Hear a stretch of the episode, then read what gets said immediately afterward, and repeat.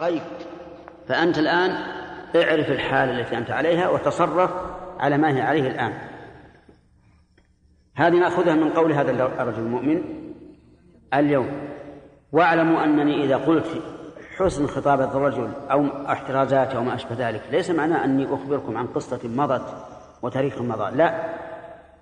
أريد أن تأخذوا من ذلك إيش؟ عبرة تسيرون عليها. لأن ما دام ما دام نثني على هذا الرجل بخطابه ومعالجة الأمور فإنها فإنه يعني أننا نحث على اتباع الطريق. طيب. ومن فوائد هذه الآية الكريمة أن آل فرعون قد غلبوا في مصر وظهروا عليها ولم يكن لهم منازع. قوله ظاهرين في الأرض. ومن ثم ومن ثم تكبر فرعون ولم يخضع لموسى لأن موسى من بني إسرائيل وهم قلة أذلة في مصر والغلبة للأقباط. وها و ومن فوائدها أن الظهور والغلبة قد يكون سببا للأشر والبطر إلا من وفقه الله. بعض الناس إذا أعطاه الله تعالى سبب رفعة لا يزيده ذلك إلا تواضعا إلا تواضعا للحق وللخلق. وبعض الناس إذا أعطاه الله تعالى رفعة صار هذا سببا في تعليه على الخلق واستكباره عن الحق. وهذه محنة يجب على المرء أن يعالج نفسه فيها. لا إذا أعطاه الله مالا يزم ويعلو ويستكبر فإن الذي أعطاه هذا المال قادر على أن يتلفه عليه. لا يقول إذا أعطاه الله علما أنا عالم وأنا من أنا ثم يتعلى على الحق يتعلى عن الحق وعلى الخلق. بل يجب على الإنسان كلما آتاه الله علما أن يزداد تواضعا. هذا ما أقوله وأرجو أن أتصف به وإياكم. فعلى الإنسان أن يعرف هذه المسألة. وأن الله قد يبتلي الإنسان بالشيء الذي قد يكون داعيا لعلوه واستكباره عن الحق وعلى الخلق فليحذر هذا الأمر. ومن فوائد الآية الكريمة قوة إيمان هذا الرجل وأنه لا دافع ولا مانع لما أراد الله. لقوله من ينصرنا من بأس الله إن جاءنا. وهذا يدل على كمال يقينه رحمه الله ورضي عنه حيث لم يقل إن جاءكم. نعم حيث آمن بأنه إذا جاء بأس الله فإنه لا مرد له.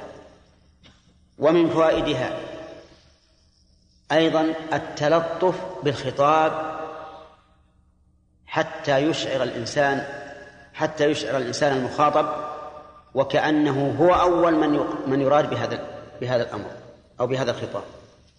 لقول فمن ينصرنا من بأس الله إن جاءنا ولم يقل فمن ينصركم من بأس الله إن جاءكم. كل هذا من باب التنزل مع هؤلاء وإشعار وإشعارهم بأنه واحد منهم. وقد يقال إن في هذا إشارة إلى أن العذاب إذا نزل يعم الصالح والفاسد ويكون قوله فمن ينصرنا من بأس الله إن جاءنا يراد به حقيقته أي أنه هو سيصيبه ما أصابه ويكون هذا شاهده قول, قول الله تعالى واتقوا فتنة لا تصيبن الذين ظلموا منكم خاصة. وهذا ليس ببعيد. ومن فوائد الآية الكريمة أنه إذا نزل بأس الله فإنه لا مرد له. ويدل لهذا قوله تعالى فلما رأوا بأسنا قالوا آمنا بالله وحده وكفرنا بما كنا به مشركين فلم يكن ينفعهم إيمانهم لما رأوا بأسنا. وهل يستثنى من هذا أحد الأخ؟ أنت لا صالح صالح. لا. كل من أتاهم بأس الله فإنهم لن ينجوا ولو آمنوا. فهل يستثنى من هذا أحد؟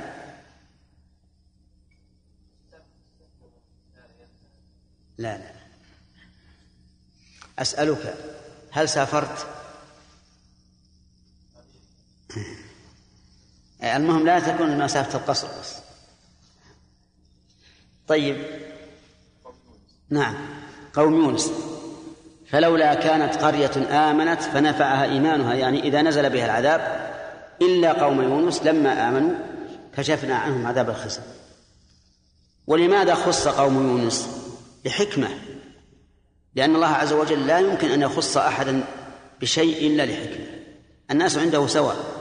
إن أكرمكم عند الله أتقاكم الحكمة أن يونس عليه الصلاة والسلام خرج من قومه مغاضبا قبل أن يؤذن له. وكأنه لم يستكمل الدعوة فلم تقم عليهم الحجة الكاملة. ولهذا نجوا حين آمنوا بعد رؤية العذاب. فصار إن جاءهم له حكمة وهو خروج نبيهم مغاضبا قبل أن قبل أن يؤذن له فكأنه لم يستكمل إقامة الحجة عليهم فصار في هذا نوع عذر لهم فأنجاهم الله عز وجل. طيب. يشكل على هذا آية دائما إذا قرأتها أقول كيف يكون هذا؟ قال نوح لقومه يغفر لكم من ذنوبكم. ويؤخركم إلى أجل مسمى إن أجل الله إذا جاء لا يؤخر.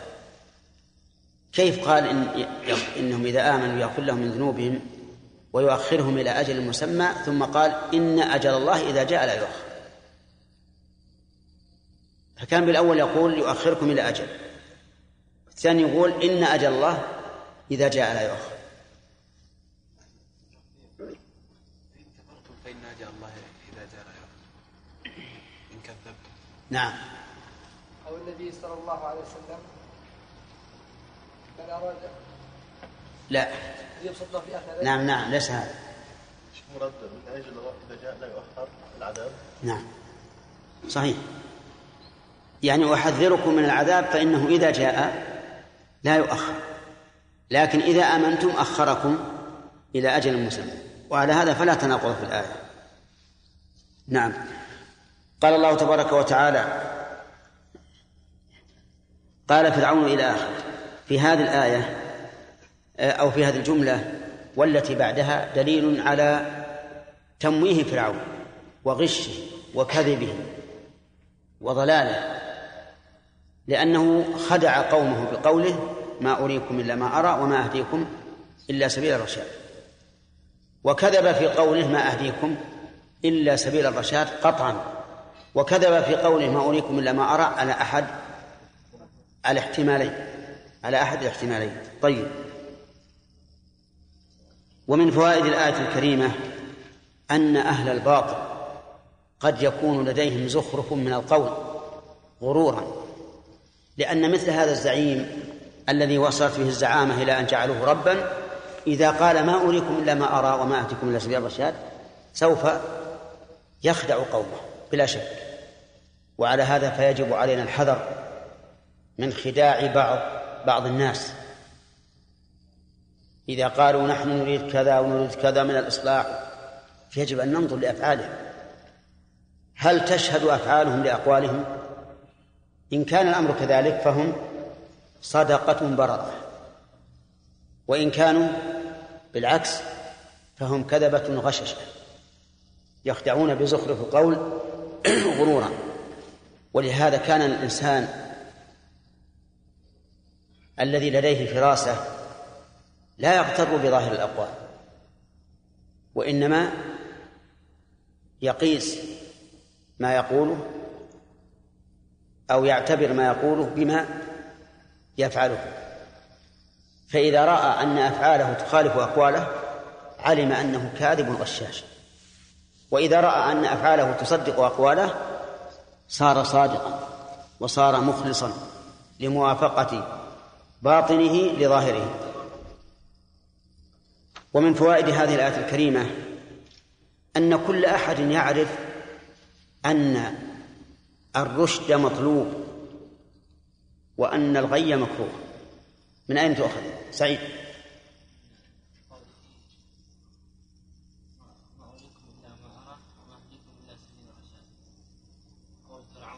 أي الجملة الثانية ولا الأولى؟ الثانية. إذن هم يعرفون أن الرشاد أمر مطلوب. كل إنسان حتى الكافر يرى أن الرشد أمر مطلوب. فما هو الرشد الحقيقي؟ هل هو اتباع الهوى أو اتباع الهدى؟ الثاني اتباع الهدى. لكن التمويه مشكل. ثم قال وقال الذي آمن. وقال الذي آمن يا قوم إني أخاف عليكم. في الأول قال رجل مؤمن من آل فرعون يكتم إيمانه. وهنا قال وقال الذي آمن. فنقول لماذا كرر هذا الوصف لهذا الرجل؟ لطول لطول الحديث. لطول الحديث والفصل قال وقال الذي آمن. أما اختلاف الجملتين فإن الثانية تؤكد الأولى بأن هذا الرجل قد اصطبغ في الإيمان وحق وحقق الإيمان. وقال الذي آمن يا قوم إني أخاف عليكم مثل يوم الأحزاب. يا قوم يعني بذلك فرعون وقومه. وهذا من باب التلطف في المقال. إني أخاف عليكم مثل يوم الأحزاب يعني الطوائف السابقة. وكأن هذا الرجل ملهم. عنده علم بأحوال الأمم السابقين. وسيأتي إن شاء الله الكلام على فائدة هذه الجملة. مثل يوم الأحزاب أي يوم أي يوم حزب بعد حزب. ثم أبدل منه قوله مثل دأب قوم نوح. دأب بمعنى عادة. وذكر قوم نوح لأنه هو أول أول رسول أرسل إلى أهل الأرض. وعاد وثمود. وكل هؤلاء متقدمون. بعيد العهد. قبل موسى وقبل فرعون. فهم من أوائل الرسل. قوم نوح وعاد. عاد معطوفة على إيش؟ قوم لا على نوح. على قوم ولا يصح أن أن تكون معطوفة على نوح. لأن لأنه لو لو كان معطوف على على على نوح لكان المعنى مثل قوم عاد. ولا يستقيم الكلام. بل مثل عاد وهم قوم هود. وثمود قوم صالح. والذين من بعدهم من الأمم وسيأتي أنه أنه أشار إلى يوسف عليه الصلاة والسلام آه، ابن يعقوب ابن إبراهيم. يقول مثل بدل من مثل قبله أي مثل جزاء عادة من كفر قبلكم من تعذيبهم في الدنيا.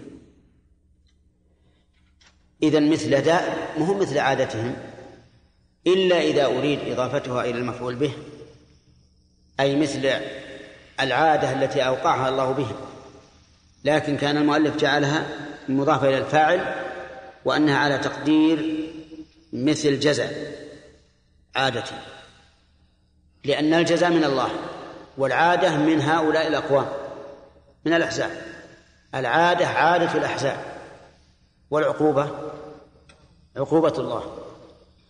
فإما أن نقول إن الكلام على تقدير مثل عقوبة عادة قوم نوح إلى آخره أو نقول مثل دأب قوم نوح أي مثل العادة التي فعلها الله بهم. والمعنى واحد. المراد أنه يخاف عليهم مثل هذه الأيام التي هي عقوبة لهؤلاء الذين كذبوا رسله لا وما الله يريد ظلما للعباد. ما نافية؟ تعمل عمل ليس لتمام الشروط. ولفظ الجلالة ولفظ الجلالة اسمها. ويريد الجملة جملة هي خبرها. ولو كانت اسما لكانت التقدير. وما الله مريدا. وما الله يريد ظلما للعباد. الظلم يتناول شيئين. إما الزيادة في الآثام وإما النقص في الحسنات. وكله ممتنع. بالنسبة لله عز وجل.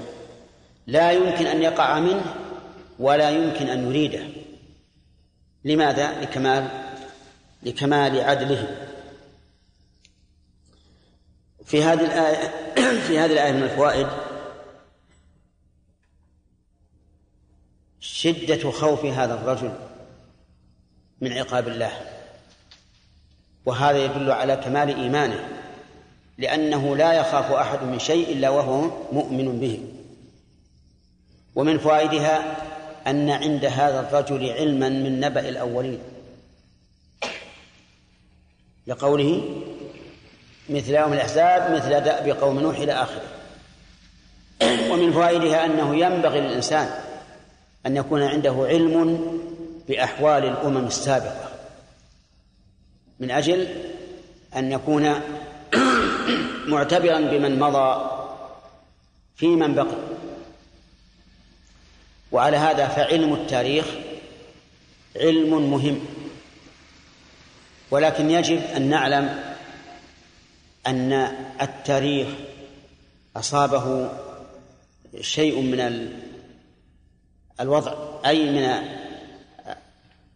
التحريف والتغيير والكذب والزيادة والنقص فعلى الإنسان أن يحتاط في ذلك عليه أن يحتاط في هذا حتى لا ينقل أو لا يروي إلا الصحيح. ومن فوائد الآية الكريمة أن قوم نوح وعاد وثمود كانوا أول الأحزاب لقوله والذين من بعدهم. ومن فوائد هذه الآية الكريمة انتفاء إرادة الظلم عن الله عز وجل. لقوله وما الله يريد ظلما. وإذا انتفت الإرادة انتفى الفعل قطعا. لأن الله تعالى يفعل ما ما يريد. فإذا لم يرد الظلم انتفى الظلم. أليس كذلك؟ على أنه في آيات أخرى نفى الظلم نفسه. فقال ولا يظلم ربك أحدا. وقال وما ربك بظلام للعبيد.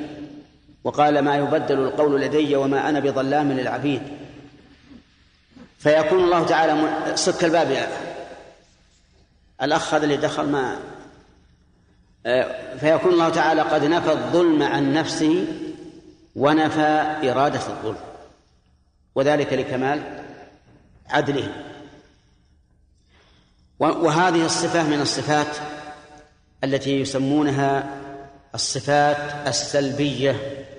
أو الصفات المنفية. ولدينا قاعدة في باب الأسماء والصفات. انتبه لدينا قاعدة في باب الأسماء والصفات. أن النفي المحض لا يوجد في صفات الله أبدا. كل نفي في صفات الله فإنه يتضمن شيئين. أحدهما نفي ما نفي عن الله والثاني إثبات كمال ضده. فيقال لا يظلم لكمال عدله. وإن شئت فقل لكمال عدله لا يظلم. عرفتم؟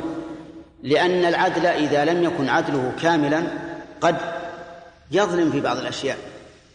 أما الرب عز وجل فإن عدله كامل لا يمكن أن يدخله ظلم بأي وجه من الوجوه. طيب وهذا الممت... وهذا الظلم منفي عن الله لكمال العدل. هل هو مستحيل لذاته أو جائز لكنه مستحيل على الله تعالى لكماله؟ الثاني خلافا للجهمية الذين قالوا إن الظلم مستحيل على الله لذاته لذات الظلم. لأنه إذا كان مستحيلا لذاته لم يكن مدحا. المستحيل لذاته ما يمدح الشيء ما يمدح من استحال عليه على ذلك لأنه مستحيل. وهم يقولون إنه مستحيل لذاته لأن لأن الخلق كله ملكه. ويفعل في ملكه ما يشاء. ومن تصرف في ملكه فإنه لا لا يقال إنه ظالم ولو قدم شيئا على شيء أو نقص شيئا عن حقه. ولكن نقول إن الله تعالى صرح بأنه حرم الظلم على نفسه. وهذا يدل على أن الظلم في حقه ممكن عقلا لكنه حرمه على نفسه لكمال لكمال عدله. والخلاصة أن من قواعد أصول من قواعد الأسماء والصفات أنه لا يوجد النفي المحض في صفات الله. بل لا يوجد نفي في صفات الله إلا لكمال إيش؟ لكمال ضده ولقد خلقنا السماوات والأرض وما بينهما في ستة أيام وما مسنا من لغوب. لماذا؟ ها لكمال قوته. لا لأن اللغوب لا يلحقه لكن لكمال قوته لا يلحقه اللغوب. وليس المعنى أنه ليس من من مما يمكن أن يلحقه اللغوب. لا. لكنه مستحيل لكمال قوته. قال أهل العلم وإنما قلنا بذلك لأن النفي المحض. النفي المحض. عدم محض. صحيح؟ لو تزرز دارك يا أخي. لأن النفي المحض عدم محض. أولا النفي المحض نفيت شيء معناه غير موجود. معناه أنه غير موجود. والعدم المحض ليس بشيء. فضلا عن أن يكون مدحا لأنه عدم العدم ما يمدح عليه. وإما أن يكون النفي متضمنا لإثبات متضمنا لإثبات هذا الإثبات قد يكون عجزا. فمثلا إذا قلنا فلان لا يظلم لأنه غير قادر على الظلم فليس هذا يعني أننا مدحناه بل هذا ذم له. كقول الشاعر قبيلة لا يغدرون بذمة ولا يظلمون الناس حبة خردل. أول ما تسمع هذا الكلام تقول ما شاء الله هؤلاء أوفياء ذو عدل لكنه في الواقع ذم. يقول إن هؤلاء ما يقدر الواحد منهم أن يغدر ولا يقدر أن يظلم. والثاني يقول لكن قومي وإن كانوا ذوي عدد ليسوا من الشر في شيء وإن هان يجزون من ظلم أهل الظلم مغفرة ومن إساءة أهل السوء إحسان. يعني أنه إذا أساء إليهم الإنسان أحسنوا إليه. وإذا أساء إليهم غفروا له وتجاوزوا عنه. لكن لكمال إحسانهم وكمال عفوهم أو لعجزهم لعجزهم. ولهذا قال فليت لي بهم قوما إذا ركبوا شنوا الإغارة فرسانا وركبانا. ليت لي بهم أي بدلهم. وهذا يدل على أنه ذمهم ذما عظيما. من فضل. وقد يكون النفي لعدم لعدم صلاحية هذا الوصف لما نفي عنه.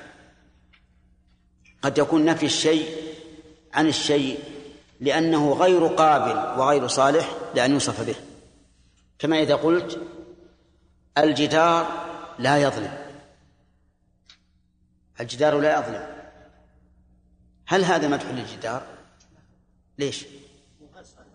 يعني غير قابل ولا صالح للظلم أو عدم الظلم فتبين بذلك أن الله تعالى لا ينفي عن نفسه عن نفسه شيئا إلا لكمال ضد هذا المنفي لكمال ضده لا لأنه غير قابل له أو غير صالح في حقه أو ما أشبه ذلك من الناحية العقلية وما الله يريد ظلم إذا نستفيد من هذا نفي إرادة الظلم عن الله لكمال إيش؟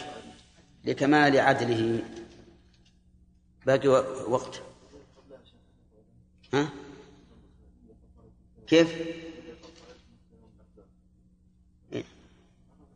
أخذنا فيها وجه. كيف؟ أخذنا. إي قلنا إشارة إلى يوسف. صح؟ نعم. أبدا. قال قبل أن نبدأ بالحديث نخبركم أن هذه الجلسة هي آخر جلسة في الإجازة الصيفية. وأما في الليل يستمر. لأن إن شاء الله عزمنا أن نمشي بعد غد. نعم. إن شاء الله نرجع بالسلامة وحنا نأسف أننا ما كملنا لكن تجري الرياح بما لا يشتهي السفن. نستأنف نعم.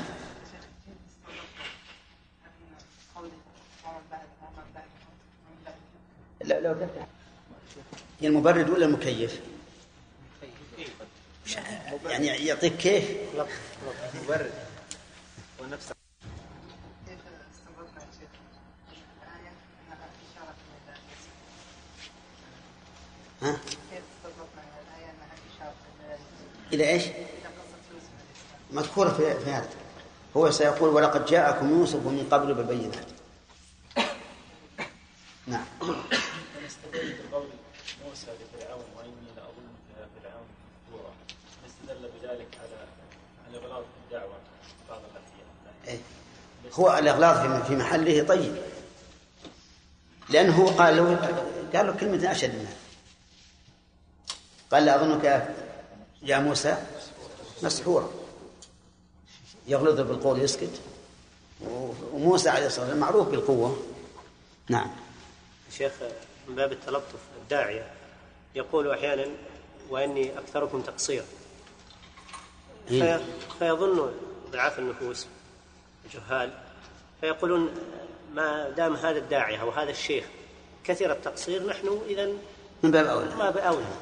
ثم يصيبهم ما يصيبهم وعلى كل حال هذه الكلمة ينبغي الإنسان أن ينظر في مصلحتها وإلا فقد قالها عمر بن عبد العزيز رحمه الله في آخر خطبة خطبها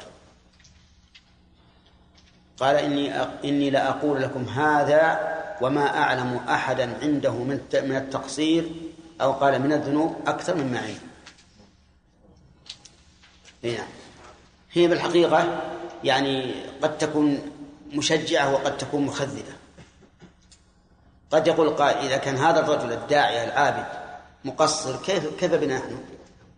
إذا فل فلنشمر عن ساعد الجد. وقد تكون كما قلت فيه سلاح ذو حدين فلينظر الإنسان للمصلحة. والإنسان أحيانا يقول مثل هذا لأنه يخشى على نفسه يخشى على نفسه من العجب. نعم دكتور ما شفت من قبل لا ينبغي أن يزوج ابنته من فاسق ويقول لعل الله أن يهديه نعم. لو حصل العكس أراد الرجل أن يتزوج بامرأة ليست مستقيمة. ها؟ لو حصل العكس وأراد الرجل أن يتزوج بامرأة غير مستقيمة. وقال لعل الله أن يهديها لي. نفس الشيء. وإلا طلقتها. نفس الشيء. لا ما هو إلا طلقتها قد يقول الإنسان عنده عزم في هذا أول الأمر لكن إذا تزوجها ورغب فيها نعم عصفت به يعني بعد يعني جذب النساء للرجال ما هو هين. لو ظن فيها قبول الدعوة. كلمة الظن هذه لا- غير واردة على الواقع. الظن غير واردة. ولذلك أنت أنت غير مكلف إلا بما بين يديك حتى لو أخلفت الأمور فيما بعد. فأنت مجتهد ولا ولا لوم عليك ولا إثم عليك. لكن عليك إثم أنك تقدم على شيء تعرف أنه الآن غير صالح لكن رجاء أن يصلح. هذا خطأ. والمرأة ربما تغلب الرجل. المرأة إذا أحبها حبا شديدا ربما تقول اسجد لي يقول الله ما الله أكبر يقول أنت أكبر. نعم. ألم تعلم أنه ذكر أحد العلماء نسيت من هو. قال إن مؤذنا دعت عليه أمه بدعوة. وكان رجلا صالحا. فلما صعد إلى المنارة يؤذن وإذا بامرأة نصرانية في سطح بيتها. جميلة. ف يعني أخذت بلبه فأرسل إليها يخطبها. فقالت لا يمكن. إلا إذا كنت نصرانيا حاول قالت أبدا. فتنصر والعياذ بالله. صار نصرانيا. ارتد عن الإسلام الآن. فأعاد الخطبة قالت الآن أنت لست مسلما ولا نصرانيا فلا فلا أحل لك. شوف يعني هذا الرجل نسأل الله العافية ارتد عن دينه من أجل هذه المرأة. وصارت هذه المرأة كيدها أعظم من كيده. وش قالت له؟ قالت لا لست مسلمة ولا نصرانية والنصرانية ما تحل إلا للمسلم أو النصراني. ارجع وراءك. نسأل الله العافية. نعم.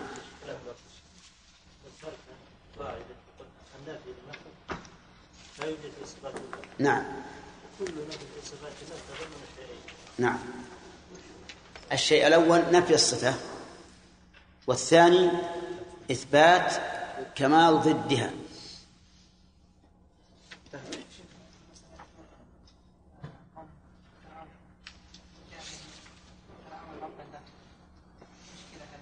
كيف؟ ما هي المشكلة؟ أقول ما هي المشكلة؟ نعم هل يعني؟ أبدا هذا عوام يعني؟ لا أبدا لا يقولون بأن لهم رب لكن ربهم فرعون لفرعون لا لله لا لله إيه.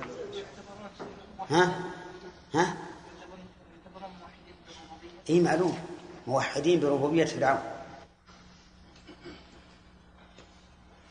عندهم توحيد الآن ولا لا؟ ها؟ سبحان الله تقولوا زياد ولا هازم؟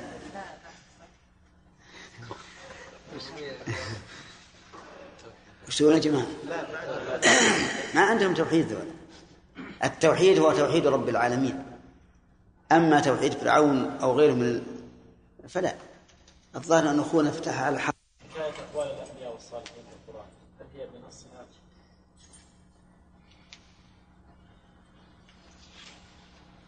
يعني باللفظ نفسه؟ لا.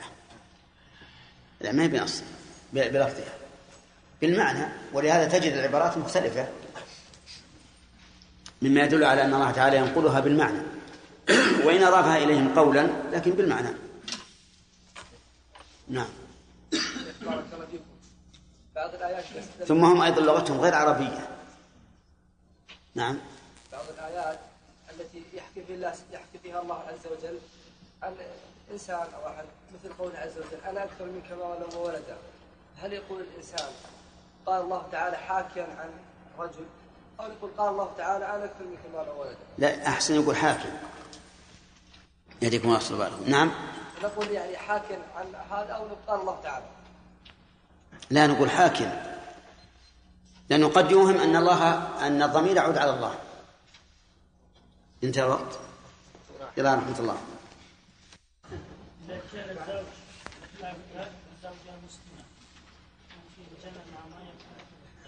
لا يجوز.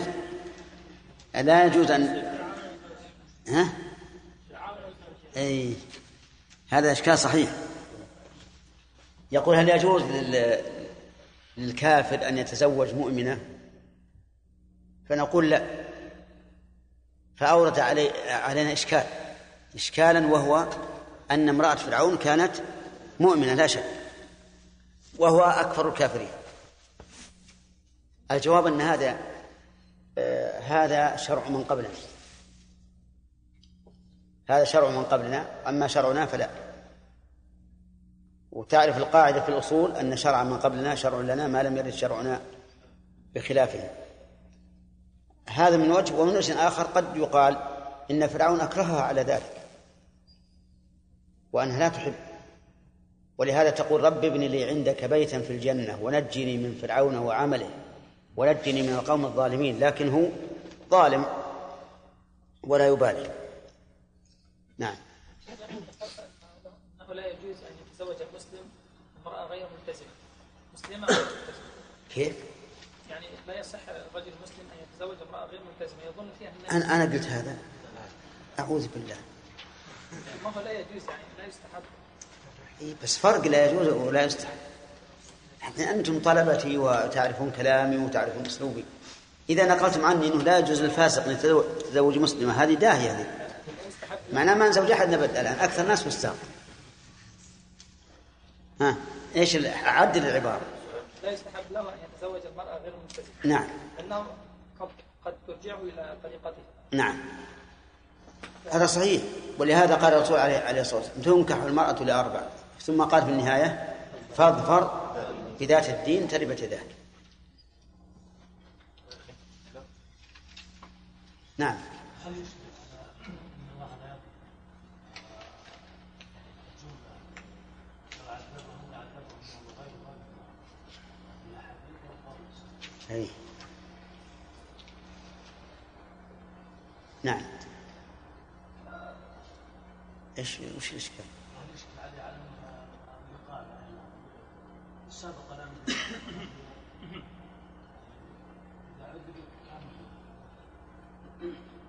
إن الله لو عذب أهل سماواته وأرضه لعذبهم وهو غير ظالم لهم ما حطيت عليها علامه ما خ... ما يضر. طيب.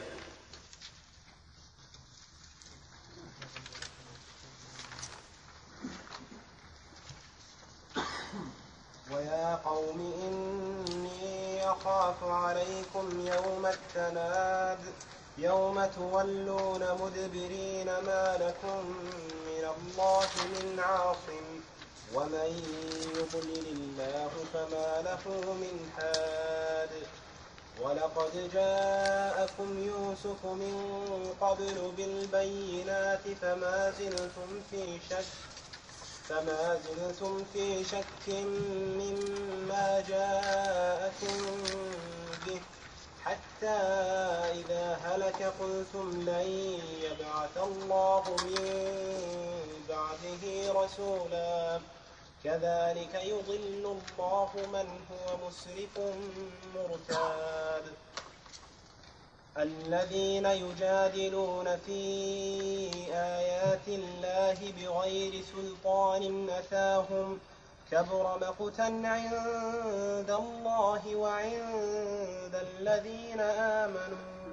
كذلك يطبع الله على كل قلب متكبر جبار. وقال. فرعون أعوذ بالله من الشيطان الرجيم. قال الله تبارك وتعالى ويا قوم إني أخاف عليكم يوم التناد. وقبل البدء بالتفسير نقدم مقدمة نسأل الله سبحانه وتعالى أن ينفع بها. فنقول إن من نعمة الله سبحانه وتعالى على العبد أن يحبب إليه العلم. وذلك لأن العلم الشرعي مفتاح كل خير. لقول النبي صلى الله عليه وعلى آله وسلم من يرد الله به خيرا يفقهه في الدين. وهذه بشرى لكل من فقهه الله في دينه وعلمه أن الله أراد به خيرا. والفقه في الدين هو معرفة الأحكام الشرعية من من أدلتها. ثم تطبيق هذه الأحكام التي علمها. لأن من لم يطبق فليس بفقيه بل هو قارئ. ولهذا حذر عبد الله بن مسعود رضي الله عنه من أن يكثر القراء ويقل الفقهاء. فالفقيه في دين الله هو الذي يعلم شريعة الله ثم يطبقها على نفسه وعلى غيره بقدر استطاعته. وطالب العلم عليه مسؤولية كبيرة لأنه واسطة بين الخلق وبين الرسول صلى الله عليه وعلى آله وسلم. إذ أنه ينقل شريعة الرسول صلى الله عليه وعلى آله وسلم إلى أمته ولهذا يجب أن يكون أسوة حسنة في عباداته وأخلاقه ومعاملاته. لأنه إذا كان أسوة حسنة في ذلك فقد أثمر العلم في حقه ثمراته الجليلة ولأنه إذا كان أسوة للنبي صلى الله عليه وسلم في ذلك أحبه الناس وألفوه واقتدوا به وصار إماما. وإن لم يكن إماما كبيرا لكنه إمام بحسب حاله. وكلما ازداد الإنسان علما وتمسكا بما علم ازداد احترام الناس له واقتدائهم به وجعلهم إياه أسوة. ثم إن طالب العلم يجب عليه الإخلاص لله عز وجل في طلبه لأن الإخلاص انتبه يا ريمي. لأن الإخلاص هو أهم شيء وهو الذي يكون به تحقيق ما أراده العبد. والإخلاص لله في طلب العلم أشار الإمام أحمد رحمه الله إلى شيء منه فقال العلم لا يعدله شيء لمن صحت نيته. قالوا وبما تصحيح النية؟ قال ينوي بذلك رفع الجهل عن نفسه وعن غيره. وهذا لا شك أنه من تصحيح النية لكنه ليس كله أو ليس كله تصحيح النية بل هناك أشياء تجب ملاحظتها أيضا وذلك بأن ينوي بطلب العلم امتثال أمر الله سبحانه وتعالى. لأن الله أمر بالعلم ورغب فيه.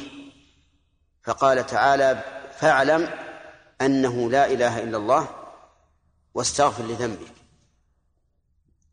وقال تعالى يرفع الله الذين آمنوا منكم والذين أوتوا العلم درجات. وهذا شيء مشاهد. بينوا لي تاجرا من أكبر التجار في عهد الأئمة الأربعة. حصل له من رفع الذكر ما حصل لهؤلاء الأئمة الأربعة. لن تجدوا إلى ذلك سبيلا. فأهل العلم مرفوعون عند الله ومرفوعون عند العباد مرفوعون في حياتهم مرفوعون بعد مماتهم. حتى وإن نال أحدا منهم ما يناله من التعذيب أو المضايقة أو ما أشبه ذلك فإنه يزداد بذلك رفعة. رفعة عند الله ورفعة عند العباد. فأنت إذا نويت بطلبك للعلم امتثال أمر الله صارت صارت كل حركة تتحركها في هذا المجال عبادة.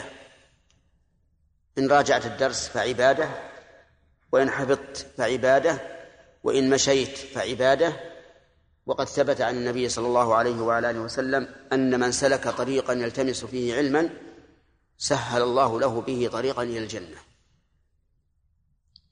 وهذه مسألة تغيب عنا كثيرا. كثيرا ما نراجع الكتب لتحقيق مسألة ما ولكن يغيب عنا أننا الآن في عبادة. نرجو بها ثواب الله. لكن إذا استحضر طالب العلم أنه يمتثل أمر الله سبحانه وتعالى بطلبه العلم صار طلبه للعلم عبادة. الثاني أن ينوي بطلب العلم حفظ الشريعة لأن الشريعة تحفظ برجالها.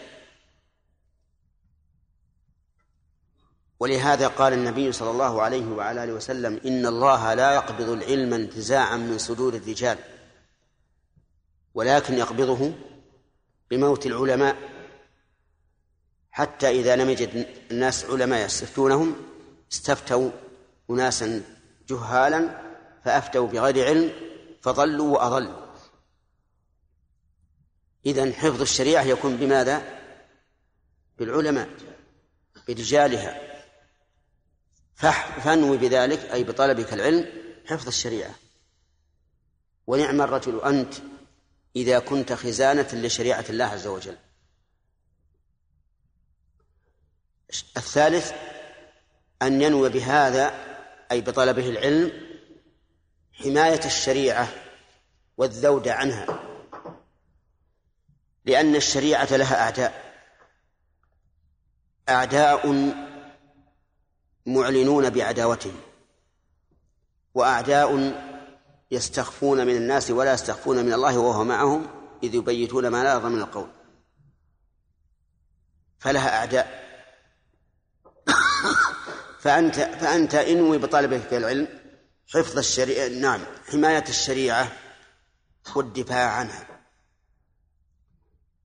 وإذا كان هذا مقصود طالب العلم فإنه سوف يختار الجهة التي يكون غزو أعداء المسلمين من ناحيتها. وعلى هذا يجب أن يكون على علم بما يجري في الساحة من الأفكار الرديئة أو العقائد الفاسدة. ونضرب مثلا بوقت من الأوقات. مر على الناس وهم لا يعرفون مذاهب أهل التعطيل ولا يعرفون الأفكار المنحرفة الهدامة لأنهم لم يخرجوا من بلادهم ولم يفد إليهم أحد إليهم أحد من غيرهم. فهم ملتفون على علمائهم ولا يعرفون إلا الحق. هؤلاء لا يهمهم أن يشتغلوا بأمور أخرى من وسائل العلم أو الدفاع عن الشريعة لأنهم آمنون. لكن إذا جاء العدو فلا بد أن نستعد له وأن يكون استعدادنا بسلاح مناسب لسلاحه فمن المعلوم مثلا أن من هاجمك بالمدافع والصواريخ لا يصح ولا يستقيم أن تدافعه بما يسمى بالسلاح الأبيض بالخناجر والسيوف وما أشبهها. لأن الواجب أن تستعد لكل عدو بماذا؟ بما يناسب سلاحه. فالآن صار في الساحة أفكار رديئة خبيثة. إن لم تكن ملحدة فهي إلى الإلحاد أقرب من الاعتدال. ولا حاجة إلى التخصيص لأنه معلوم عند كثير منكم. نحتاج أن نعرف هذه الأفكار وكيف نبطلها. وإني أقول لكم إن جميع الأفكار المنحرفة إبطالها سهل جدا. حتى وإن هولوا الأمر وإن ضخموا فهم كالإسفنج. اعصره بيدك يخرج كل ما فيه كل ما فيه. ولا تتهيبوا لأنهم ليس عندهم علم مسموع ولا ولا عقل مصنوع فلا بد أن أن الإنسان إذا كان قد نوى بطلب العلم حماية الشريعة والدفاع عنها لا بد أن يعرف ما يكون في الساحة. حتى يستطيع أن يدافع. ولكل مقام مقال ولكل مكان ما يناسبه. وإني أقول لكم إن حماية الشريعة والدفاع عنها لا يكون إلا برجالها. لو أنك كنت في مكتبة ومعك جماعة ودخل رجل ملحد يقرر الإلحاد وأنتم لا علم عندكم. لكن المكتبة مملوءة من الكتب التي ترد على الملحدين وتبين زيف ما هم عليه. هل يمكن أن يقفز كتاب منها من أجل أن يرد على هذا الملحد؟ لا يمكن. فالكتب وإن كثرت لا تفيد. لا بد من علماء. وإذا كان في هذا المكان الذي ذكرت إذا كان فيه عالم فسوف يتكلم بما يرد قول هذا هذا الملحد حتى ينكص حتى ينكص على عقبيه هذه أمور ثلاثة كلها تترتب على إيش؟ على إخلاص النية. الأمر الثالث الرابع ما أشار إليه الإمام أحمد رحمه الله. أن ينوي رفع الجهل عن نفسه وعن غيره. ومتى كان ينوي ذلك فلا بد أن يجد في الطلب. لا بد أن يجد في الطلب. لأن من أراد الغناء لا بد أن يكتسب. ولا بد أن يتجر. ولا بد أن يخوض جميع ميادين التجارة. فإذا كان يريد رفع الجهل عن نفسه فلا فلا فليس من الممكن ولا من المعقول أن يجلس من غير تعلم. لا بد أن يجد في الطلب. وإذا كان يريد رفع الجهل عن غيره فلا بد أن يحرص غاية الحرص على نشر علمه بالوسائل المناسبة الوسائل القوية. في كل مجال. يمكن أن ينشر العلم عن طريق الحديث في المجالس العادية. جلس مجلسا في وليمة في أي مك... في أي مكان يمكن أن ينشر علمه. ولكن كيف ذلك؟ بالطريقة اللبقة المحببة للنفوس والتي لا توجب الملل والاستثقال. يمكن أن يورد مسألة من المسائل في هذا الجمع الذي عنده. يورد مسألة يقول ما تقولون في رجل فعل كذا وكذا أو قال كذا وكذا أو يأتي بمسألة مسألة إلغاز حتى يفتح الأذهان. وحينئذ يدخل في تعليم الناس. لست أقول افرض افرض نفسك في المجلس الذي أنت فيه لأن هذا صعب على النفوس. لكن اجلبهم إلى العلم بالطرق المحببة المناسبة المناسبة حتى يشتغل المجلس. يشتغل المجلس بالعلم مناقشة أو إلقاء أو ما أشبه ذلك. كذلك أيضا ينشر علمه عن طريق الأشرطة عن طريق الأشرطة والأشرطة ولله الحمد نفع الله بها نفعا كثيرا. خصوصا وأن الناس كثيرا منهم وخاصة من الشباب يتلقون هذه الأشرطة بشغف ولهف. لا تكاد تخرج إلا والناس يتلقونها وينتفعون بها. فهذه الأشرطة ولله الحمد فيها مصلحة كبيرة ونشر للعلم وليس وليس في مكانك أو أو بلدك أو منطقتك بل إنه يتعدى إلى خارج بلادك. كما سمعنا أن أشرطة الدعاة والعلماء تذهب إلى أماكن بعيدة. هذه هذه من من وسائل نشر العلم.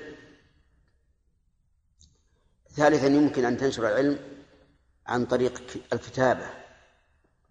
كتابة الرسائل تأليف كتب نشرة ورقية وما أشبه ذلك. بقدر المستطاع. حتى تنشر علمك وتنفع وتنتفع.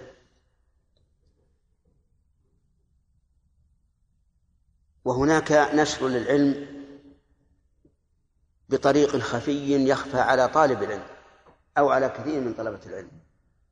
ألا وهو نشر العلم عن طريق العمل به. كثيرا ما يرقب الناس هذا العالم ويرون ماذا يصنع فيقتدون به.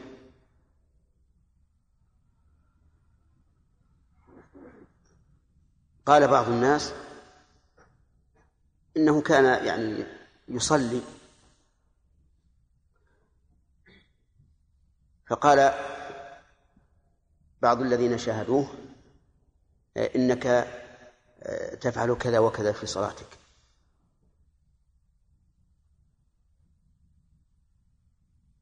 فانظر كيف كان الناس يراقبون أفعال طالب العلم من أجل أن يقتدوا به. وهذا من طريق نشر العلم. بل قد يكون هذا من من أبلغ الطرق التي يتأثر بها الناس. لأن تأثر الناس بالفعل قد يكون أشد وأقوى من تأثرهم بالقول. ولهذا نكرر ما أسلفناه من أن طالب العلم لا يكون فقيها إلا إذا عمل بعلمه وإلا فهو قارئ وليس بفقيه وبهذه المناسبة أود أن أحثكم على مكارم الأخلاق من السماحة وبذل السلام وبذل المعروف والتسامح فيما بينكم وملاقاة الناس بالبشر والطلاقة وطلاقة الوجه فقد كان من صفات النبي صلى الله عليه وعلى آله وسلم أنه كان دائم البشر كثير التبسم صلوات الله وسلامه عليه. دائم البشر لا تجده منغلقا ولا مكفهرا كثير التبسم في مناسبته في محله. فلنا فيه صلوات الله وسلامه عليه أسوة حسنة. قال الله تعالى فيه وإنك لعلى خلق عظيم. ومما ينبغي لطالب العلم أن يحفظ وقته عن الضياع.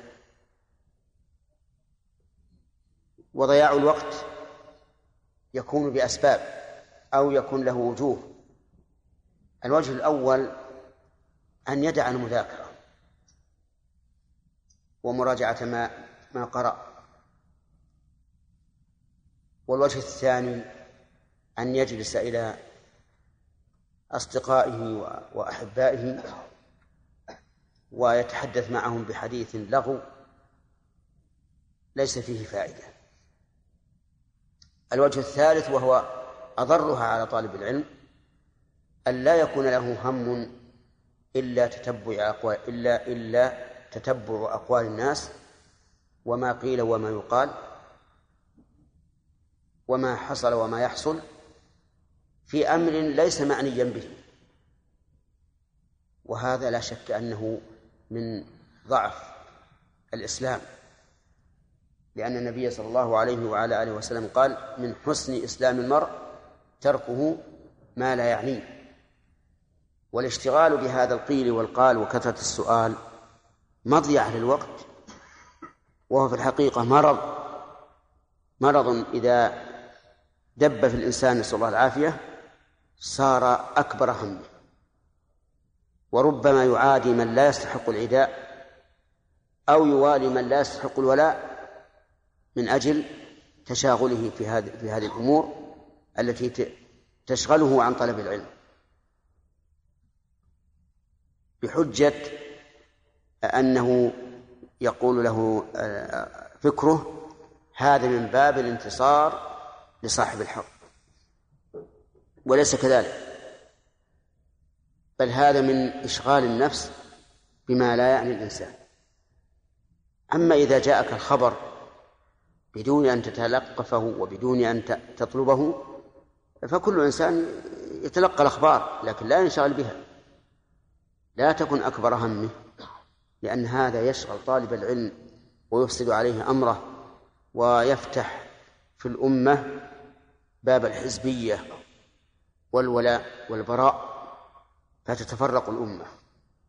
فنسأل الله تعالى أن يوفقنا وإياكم لما فيه الخير والصلاح وأن يجمع القلوب على طاعته ويرزقنا علما نافعا وعملا صالحا ورزقا طيبا واسعا يغنينا به عن خلقه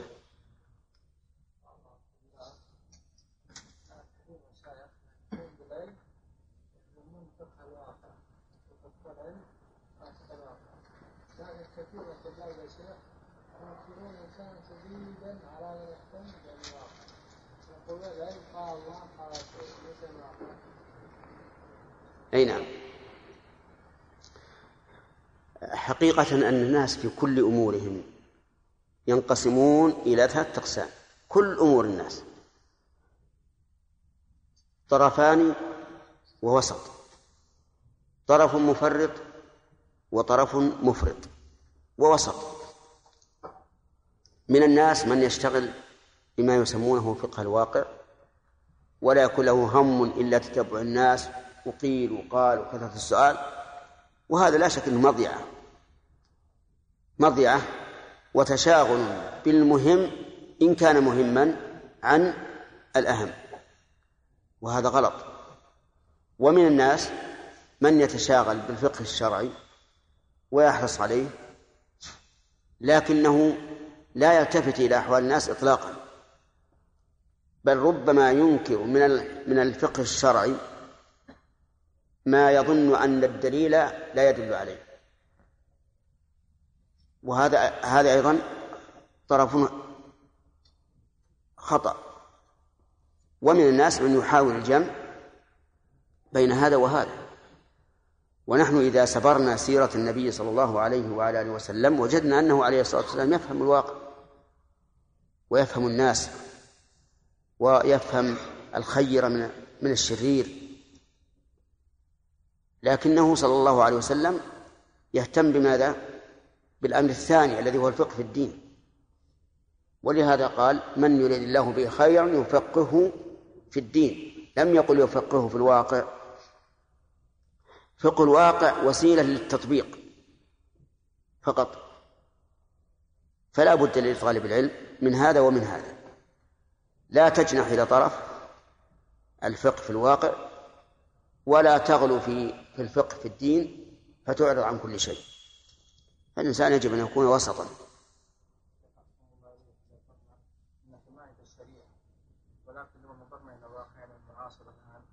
وسائل الاعلام تدعو إلى الكفر والالحاد وما ذلك واهل الحق يمنع من ذلك نعم. تكون حمايه الشريعه؟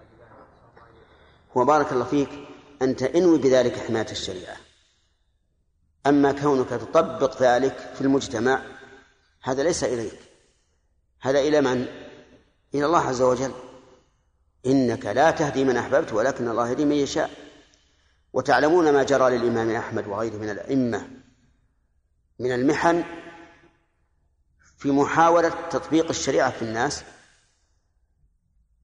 ومع ذلك هم صبروا واحتسبوا حتى ظهر الحق ولله الحمد.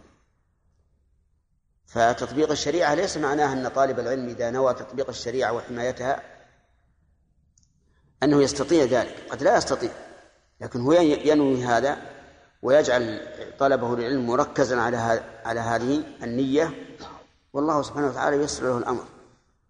ثم إذا أوذي في الله فهو رفعة لدرجاته ورفعة لذكره. لو تأملت من أكثر الناس إيذاء من العلماء لوجدت أنهم العلماء الكبار أنهم العلماء الكبار. هم الذين يلحقهم الأذى من حبس وضرب وإهانة وربما قتل. فيكون هذا من من رفعة الله لهم. نعم. يحسن طالب العلم البدء فيها ان كان في فضل الوقت والله نرى أن أهم المهمات هو العلم بهذا الكتاب العزيز كتاب الله. قبل كل شيء لأن الصحابة لا يتجاوزون عشر آيات حتى يتعلموها وما فيها من العلم والعمل. ثم العناية بما صح من السنة. ثم العناية بما كتبه أهل العلم, وأخذوه من هذين المصدرين الأساسيين الكتاب والسنة.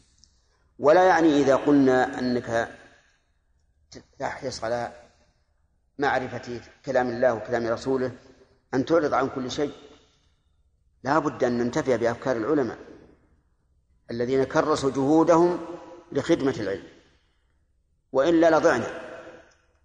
ولهذا كتب العلماء رحمهم الله في أصول الفقه وفي أصول الحديث وفي قواعد الفقه وفي قواعد التحديث وغير ذلك من أجل الضبط حتى ينضبط الناس ويكونوا ماشيين على قواعد معلومة.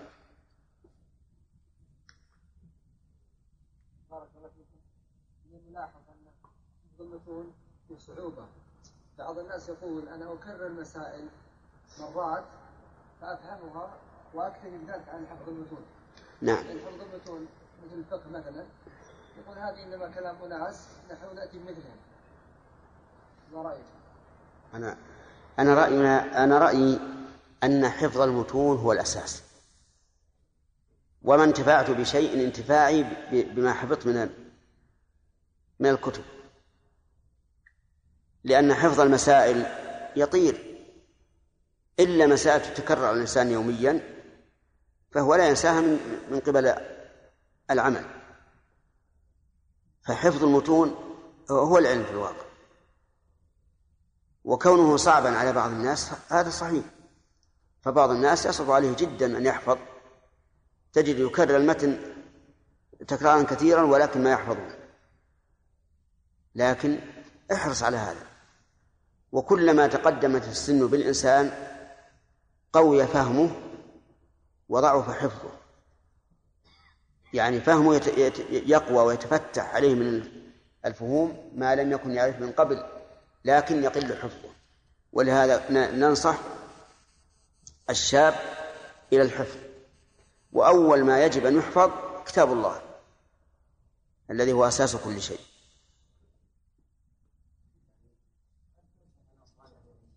إيش؟ أقول ينصح طالب العلم بأنه يسير في فن الفنون مثل فن الفقه أو أنه يتنقل في الفنون من فن العقيدة إلى فن الفقه تعرف أن العلوم ليست سواء بعضها أهم من بعض. فأنت كرس جهودك على الأهم. ولا تخلي نفسك من من العلوم الأخرى المساندة للأهم. يعني مثلا رجل قال أنا أهوى النحو. أبى أكرس جهودي على النحو ولا ولا أتعرض لغيره. هذا نقول غلط. كرس جهودك على ما تهواه نفسك لئلا يضيع عليك الوقت لأن الإنسان إذا إذا حاول أن يرغم نفسه في دراسة شيء لا يختاره سيضيع عليه الوقت. لكن لا لا تنسى العلوم الأخرى. وكذلك أيضا لا تكثر على نفسك من العلوم لأن كثرة العلوم تضعف تضعف الإنسان. في همته وفي فهمه. والذين درسوا في المدارس النظامية يعرفوا هذا. تجد مثلا في المعاهد أو الثانويات تجد فيها مثلا خمسة عشر مادة تضيع على الإنسان. لو أردت أن تبحث معه في شيء عميق من من من المواد التي درسها ما وجدت عنده شيئا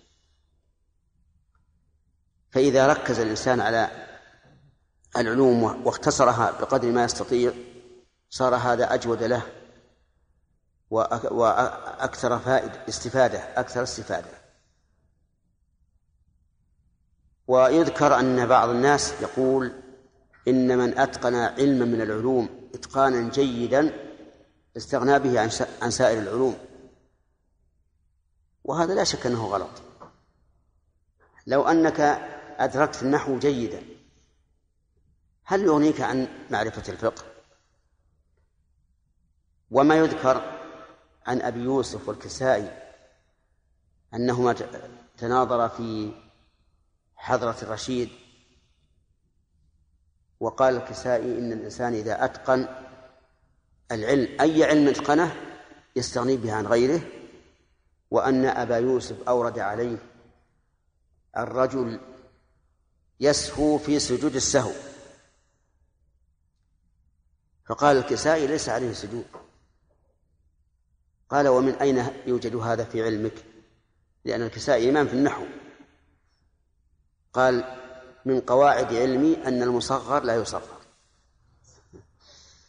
هذا يصلح دليل يصح دليلا في حكم شرعي؟ أبدا. وأنا أظن أن هذه القصة مصنوعة. ما هي ما هي صحيحة. لكن على كل حال الإنسان ينبغي له أن يركز وأنا في نظري أن أهم ما أركز عليه هو, هو القرآن الكريم. القرآن كنوز عظيمة. كلما أخذت آية تتأمل وصرت تتأملها انفتح لك من العلوم فيها ما لا يعلمه إلا الله.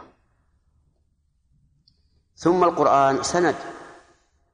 يعني ليس القرآن ككتاب أي أي عالم من العلماء. هو سند. يحتج به الإنسان أمام الله عز وجل. لأنه كلام الله سبحانه وتعالى. فلهذا أنا أرى أن نركز على علم التفسير ثم على معرفة ما صح عن النبي صلى الله عليه وعلى آله وسلم. وأنتم تعرفون أن ما نسب إلى الرسول صلى الله عليه وسلم يحتاج إلى جهد قبل أن يكون دليلا. الجهد هو أن نعرف صحته إلى الرسول. لأنه ما أكثر الأحاديث التي رواها ضعاف الناس رواية إما لقلة أمانتهم أو لسوء حفظهم أو ما أشبه ذلك. بل ما أكثر الأحاديث الموضوعة المكتوبة على الرسول عليه الصلاة والسلام. لأن الأهوى كثرت فصار من لا يخاف الله يضع ما شاء من الأحاديث وينسبها للرسول صلى الله عليه وسلم. تحتاج السنة إلى عناية كبيرة في ثبوت صحتها عن الرسول صلى الله عليه وسلم. أما القرآن فلا يحتاج إلى هذا لأنه ثابت بالنقل المتواتر الذي ينقله الأصاغر عن الأكابر. فالعناية بالكتاب والسنة هو أهم شيء. لكن لكن لا يعني ذلك الإعراض عما كتبه العلماء. لا بد من الاستعانة بآراء العلماء وكيفية استنباطهم للأحكام من القرآن والسنة. ونقتصر على هذا لأن الظاهر أن الوقت أي نعم. لا أكثر من انتهى يا شيخ. بقوم نوح وعاد وثمود والذين من بعدهم. وما الله يريد ظلما للعباد. ويا قوم إني أخاف عليكم يوم التناد. يوم تولون مدبرين ما لكم من الله من عاصم ومن يضلل الله فما له من هاد أعوذ بالله من الشيطان الرجيم. آه، نبدأ هذا الصباح في درس التفسير. وينبغي أن نلم بشيء من قواعد التفسير. فنقول أولا التفسير مأخوذ من الفسر. فسرت الثمرة عن قشرها أي اتضحت وبانت. وهو عبارة عن توضيح كلام الله عز وجل. والتفسير يراد به التفسير اللفظي يعني أن تفسر اللفظة بقطع النظر عن سياقها ويراد به التفسير المعنوي بأن تفسر اللفظة بحسب سياقها. فمثلا قول الله تبارك وتعالى للذين أحسنوا نعم وأعدوا لهم ما استطعتم من قوة. أعدوا لهم ما استطعتم من قوة. إذا فسرنا القوة التفسير اللفظي صار صار معناها ضد الضعف. لكن الرسول صلى الله عليه وآله وسلم قال إن القوة الرمي. وعلى هذا فنقول معنى القوة ضد الضعف هذا باعتبار اللفظ والمراد بها الرمي. هذا باعتبار المعنى المراد. ومثلها أيضا للذين أحسنوا الحسنى وزيادة. الزيادة معناها الفضل. زيادة الشيء على الشيء. هذا من حيث اللفظ. لكن المراد النظر إلى وجه الله عز وجل كما فسره النبي صلى الله عليه وعلى آله وسلم. إذن التفسير اللفظي غير المراد. المراد يعينه السياق أو يبينه النبي عليه الصلاة والسلام أو ما أشبه ذلك. وأما اللفظ فأن تفسر الكلمة باعتبار معناها منفردة دون النظر إلى سياقها. والقرآن الكريم يفسر بالمعنى الأول ولا بالمعنى الثاني؟ بالمعنى الثاني أي بما أراد الله به. بالمعنى أي بما أراد الله به. ثانيا هل المراد يخالف الظاهر أو هو الظاهر إلا بدليل؟ المراد هو الظاهر يعني أن الله يريد بكلامه ظاهره ولا بد ولا يمكن أن نعدل عن الظاهر إلا بدليل. فمن عدل إلى عن فمن عدل عن الظاهر إلى غيره بدون دليل كان ممن يحرفون الكلمة عن مواضعه. مثال هذه القاعدة قال الله تبارك وتعالى إن ربكم الله الذي خلق السماوات والأرض في ستة أيام ثم استوى على العرش. ظاهر قوله ثم استوى على العرش أي على عليه على عليه علوا يليق بجلاله وعظمته وهو علو خاص بالعرش وليس هو العلو العام على جميع المخلوقات. فإذا جاء إنسان وقال استوى على العرش يعني استولى عليه فإننا لا نقبل منه. لماذا؟ لأن هذا خلاف الظاهر بلا دليل. فإذا كان خلاف الظاهر بلا دليل فإنه من باب تحريف الكلم عن مواضعه وإن تسمى أهله بأنهم مؤولة فإنما يسمون أنفسهم بذلك من أجل قبول قولهم وتسهيل خطئهم على الناس. لأن فرق بأن تقول هذا مؤول أو هذا محرف وإلا في الحقيقة أنهم محرفون. ولهذا تجدون شيخ الإسلام ابن تيمية رحمه الله عبر بالعقيدة الوسطية بقوله من غير تحريف ولم يقل من غير تأويل. لأن التحريف مذموم بكل حال والتأويل منه صحيح ومنه فاسد. طيب فإن دل دليل على أن المراد خلاف الظاهر فسرناه بالمراد مثل قوله تعالى فإذا قرأت القرآن فاستعذ بالله. إذا قرأت القرآن فاستعذ بالله. معنى قرأت؟ يعني أردت أن تقرأ. وليس المعنى إذا فرغت. لو أننا فسرنا اللفظ بظاهره لا لقلنا إذا قرأت يعني إذا انتهيت من القراءة فاستعذ بالله. ولكن هذا غير مراد. ما الذي يبين أن هذا غير مراد؟ فعل النبي عليه الصلاة والسلام فإنه كان يستعيذ قبل أن يبدأ القراءة. واضح؟ طيب. هاتان قاعدتان. القاعدة الثالثة إلى من يرجع في تفسير القرآن. هل يرجع إلى اللغة؟ والحقيقة اللغوية؟ أو يرجع إلى الحقيقة الشرعية؟ أو ماذا؟ نقول أولا يرجع في التفسير إلى تفسير من تكلم به وهو الله عز وجل. فيرجع في التفسير أولا إلى كلام الله. فإذا كانت الكلمة مجملة في موضع من القرآن مفصلة في موضع فإنها فإنه يرجع إلى ما فسر بالقرآن نفسه. إذا كانت مهملة يعني في موضع يعني معناها لم يتبين مدلول مدلولها نرجع إلى نقول مهملة والصواب مبهمة. إذا كانت مبهمة في موضع لكنها مبينة في موضع آخر نرجع إلى الموضع الآخر. فيفسر القرآن أولا بالقرآن لأن المتكلم به أعلم به من من غيره.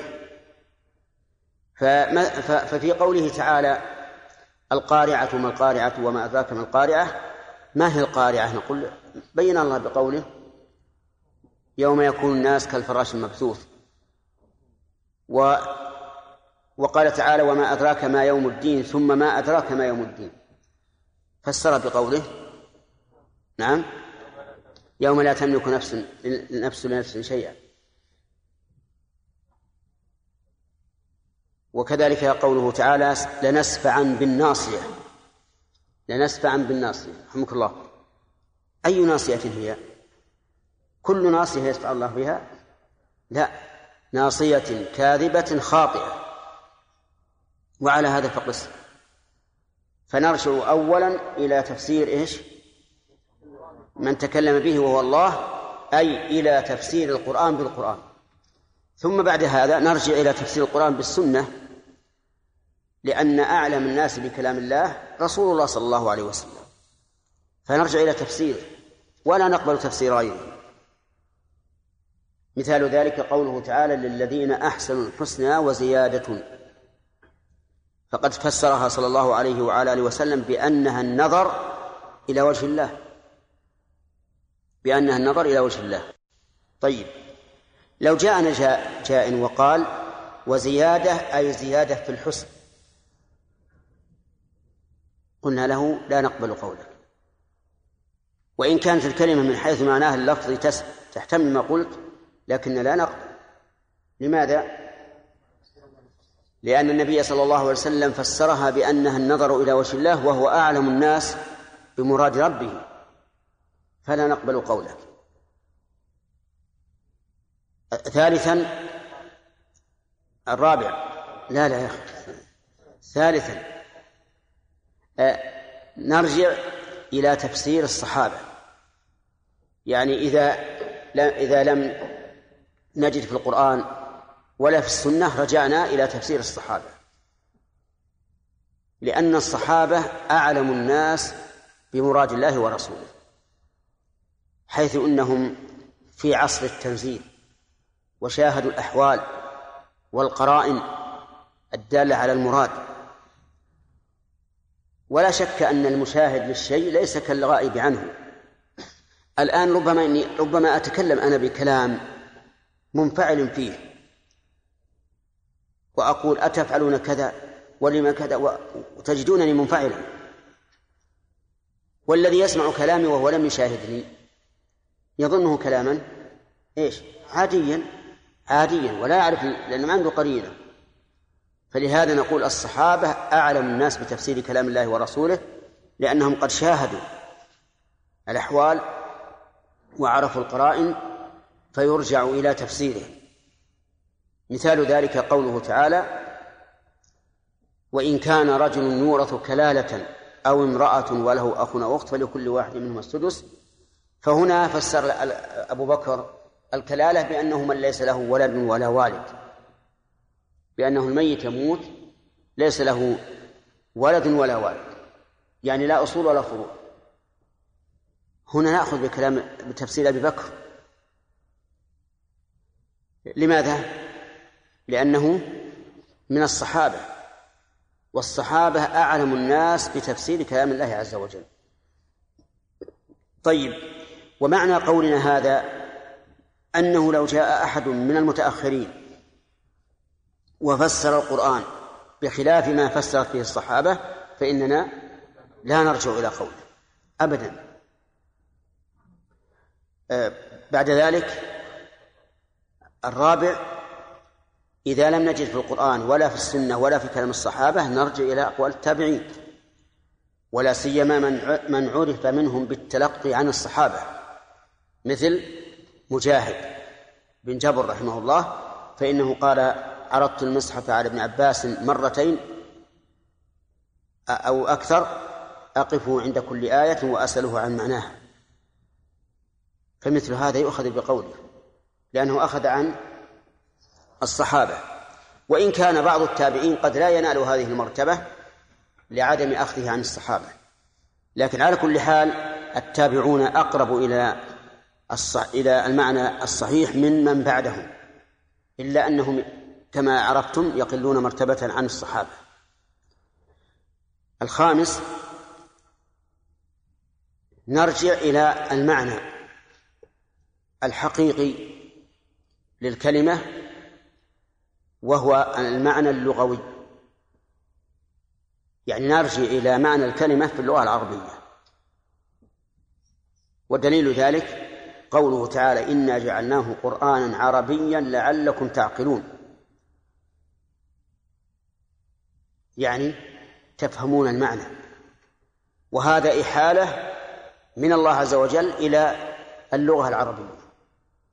وأن عقل القرآن يكون بمقتضى اللغة العربية. ولنا حجة. فإذا قال قائل ما دليلك على أن معنى هذه الكلمة وكذا قلنا هذا معناه في اللغة. والقرآن نزل بماذا؟ باللغة العربية وقد أشار الله إلى ذلك في قوله إنا جعلناه قرآنا عربيا لعلكم تعقلون. فإنما يسرناه بلسانك لعلهم يتذكرون. وإلى غير ذلك من الآيات الواضحة.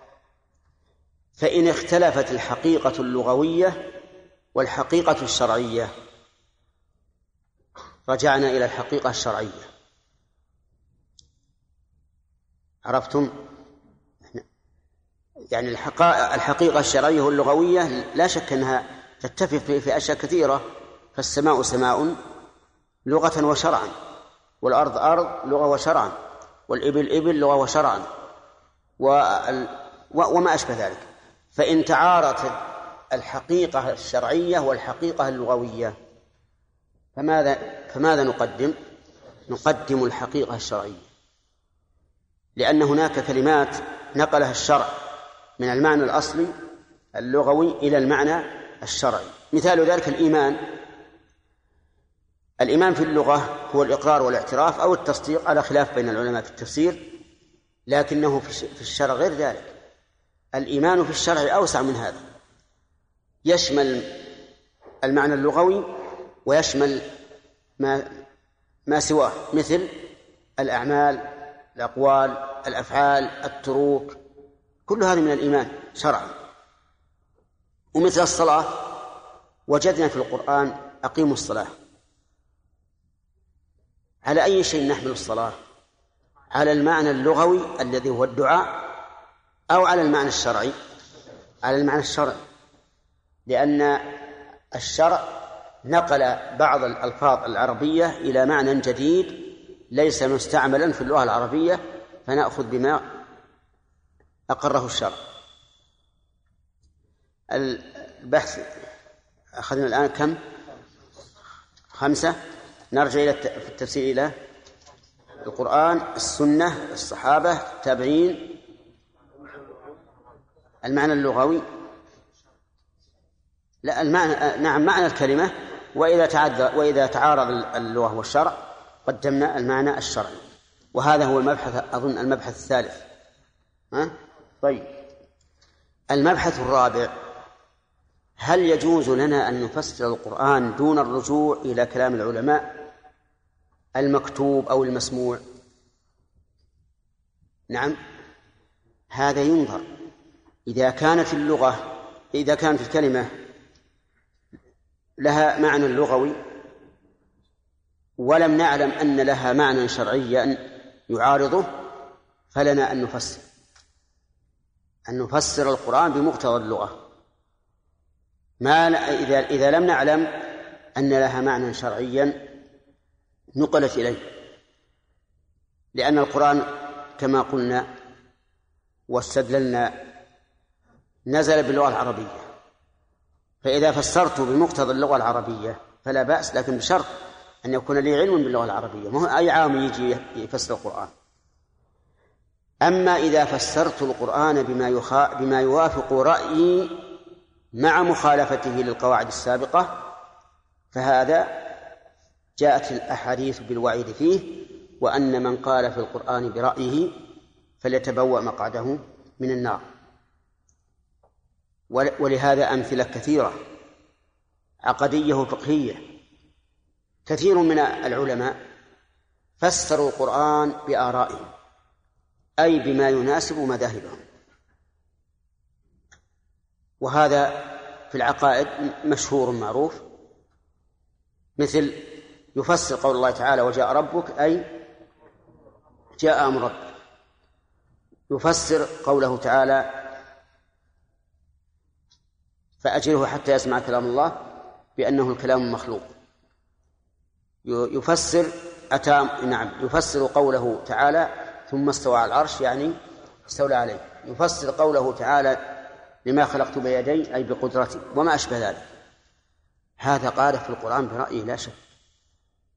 لأنه لا فسره بمقتضى اللغة ولا بمقتضى الشرع وإنما بمقتضى رأيه